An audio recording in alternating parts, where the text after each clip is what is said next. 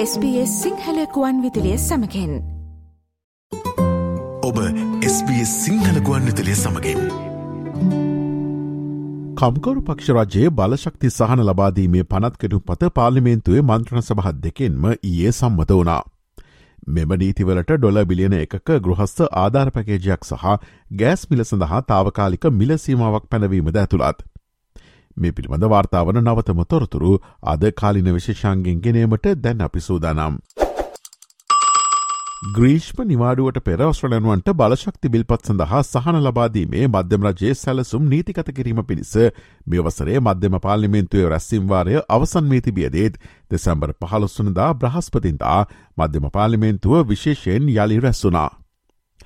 Greens පක්ෂ ස්වාධීන senate සභික David පොකොක් සහ ස්වාධීන සෙනට් සභික ටැමි ටයිරල් යන අයගේ සහයෝගෙන් පසු ඔස්ට්‍රලයාාවේ ඉහල යන බලශක්ති මිලටේරෙහි සටන් කිරීමේ කම්කර පක්ෂරජයේ ප්‍රතිපත්ති සැලස්ම සෙනට් සභාවේදී සම්බධ කෙරුණා.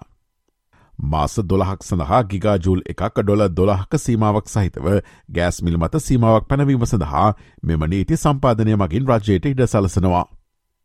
ඒ ලබන වසරේ විදුලි විල්පත්වලින් ඩොල දෙසිය තිහක් කපහැරීමට අපේක්ෂා කරන නිවෙස් සහ කුඩා ව්‍යාපාර සඳහා බලශක්ති විල්පත් සහන ලෙස ඩොල බිලියන එකයිදශම පහක්ද සකසනවා. මෙම පනත සම්මත කිරීම කාලින අවශ්‍යතාවක් බව ශ්‍රලන් වගමැති ඇන්තනි ඇල්වනීසි පාලිමින්තුවට පැවසවා. අඩු බලශක්තිමිලක් සඳහා මෙම සැලස්මට චන්දය දෙන්න.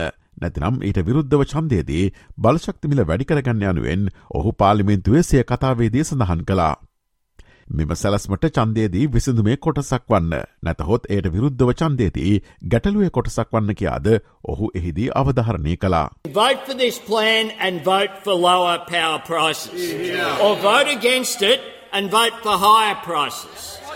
You can vote for this plan and stand up for jobs, for industry and for households. Or vote against it and stand with them, with companies, banking record profits and sending them offshore. That's the choice. Vote for this plan and be part of the solution, or vote against it and be part of the problem. නමුත් මෙම පනත වෙනම නීති කොටස් දෙකට බෙදියයුතු බවට ලිබරල සඳහන විපක්ෂය තර්ක කලා. මෙම පැකේජයේ ගෘහස්ත බලශක්ති බිල්පත් සඳහා සහන දෙන නමුත් තොග ගෑස්මිල සඳහා සහයක් නොදක්වන බව විපක්ෂනායක පීට ඩටන් පැවසවා.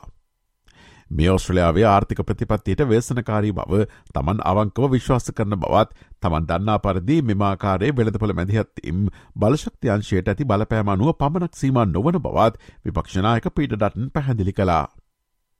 මේ මොහොතේ මෙහි ආයෝජනය කිරීමට අපේක්ෂා කරන වෙනත් ක්ෂේත්‍රවල වෙනත් සමාගම් සිටිනු ඇති බවත් ඔවුන් මෙයින් නිර්මාණය වන අවධානම දෙස බලා කෘෂිකර්මාන්තයට ආයෝජනය කරයිද නැතහොත් නිෂ්පාදන සඳහා ආයෝජනය කරයිද යන්න ප්‍රශ්න කරන බවත් විපක්ෂනායකවරයා වැඩිදුරටත් සඳහන් කළා.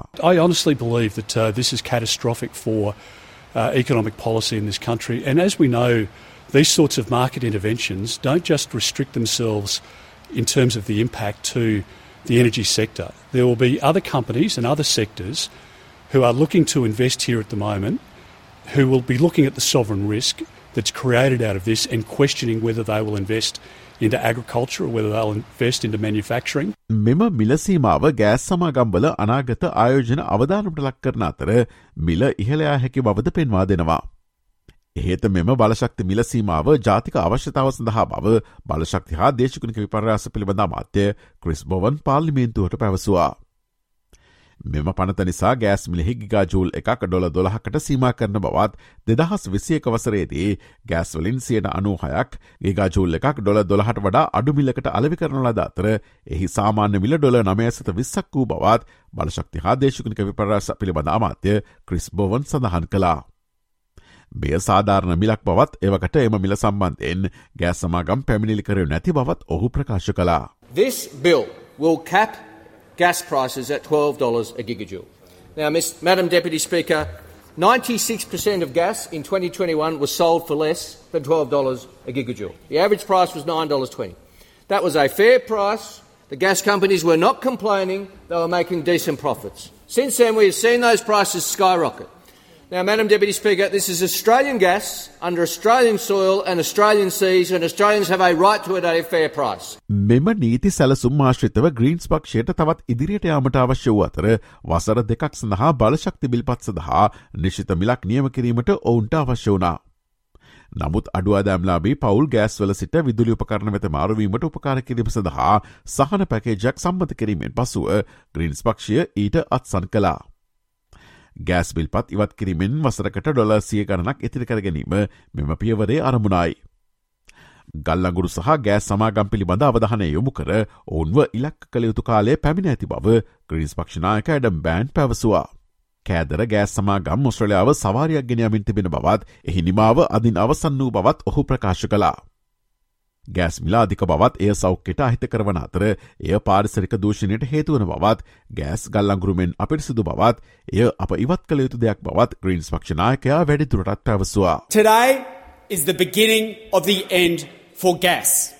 Greedy gas corporations have been taking this country for a ride, making record profits, often getting their gas for free, and putting people through enormous cost of living pain. Gas is expensive, it is unhealthy, and it is polluting. Gas is as dirty as coal. Gas is not something to transition to, it is something we need to move away from. රුසියානු යුක්්‍රණ යුද්ධේ බලපෑම මෙම පෙරනෝවිරු බලශක්ති වෙළඳපොළ මැදිහත්වීමට පොළඹවා තිබෙනවා. කම්කර පක්ෂය විසින් මෙම සැලස්ම ප්‍රථමවරට ඔක්තෝබරායවයේදී සඳහන් කළ බැවින් සැපයුම්කරුවන් මිල අඩුකිරීමට පටන්ගෙන ඇති බවට සාක්ෂි පෙනෙන බව බලශක්තිනියාමකයා පවසනවා. නමුත් එය බලශක්ති බිල්පත් පහත වැටු නැති බවට සහතික වන්නේ නැහැ. මෙම පුරෝකතනයෙන් යෝජනා කරන්නේ නීති සම්පාධනයකින් තොරව ඩොල නවසියක් වෙනුවට ගෘහස්ත බලශක්ති බිල්පත් වසරකට ඩොල හත්සිය දක්වා තරමක් අඩු විය හැකි බවයි. මේ අතර විපක්ෂය බලශක්ති ප්‍රකාශක ඩෙඩ්ඩෝ බ්‍රයින් පවසන්නේ ආණ්ඩුවේ මෙම සැලස්ම අකාරක්ෂම බවයි. බලශක්ති මිල නොකඩවා ඉහළ යන බවත් කම්කරු පක්ෂරාජයේ මේ සම්බන්ධව ඉදිරි සැලස්ම කුමක් දෙයන්නත් ඔහු ප්‍රශ්න කරනවා. Prices are going up. And what's their plan moving forward? Does any Labor Party MP really believe power prices are coming down? I'm looking out the minister. Minister, are power prices coming down? Can't hear you, minister. You know the truth. Your plan is going to see household power bills go up by eight, nearly $800, at least $700 by next financial year. This is your plan. We disassociate ourselves. මෙම පනත පරිපූර්ණ නොවත් බලශක්ති බිල්පත් සුළු ප්‍රමාණයකින් හෝ අඩු කළ හැකි නම් තමන් මේට සහයදින බව චන්දේදීමට පෙර ස්වාධීන සෙන්ට් සභික ටැමි ටයිරෙල් ප්‍රකාශ කලා.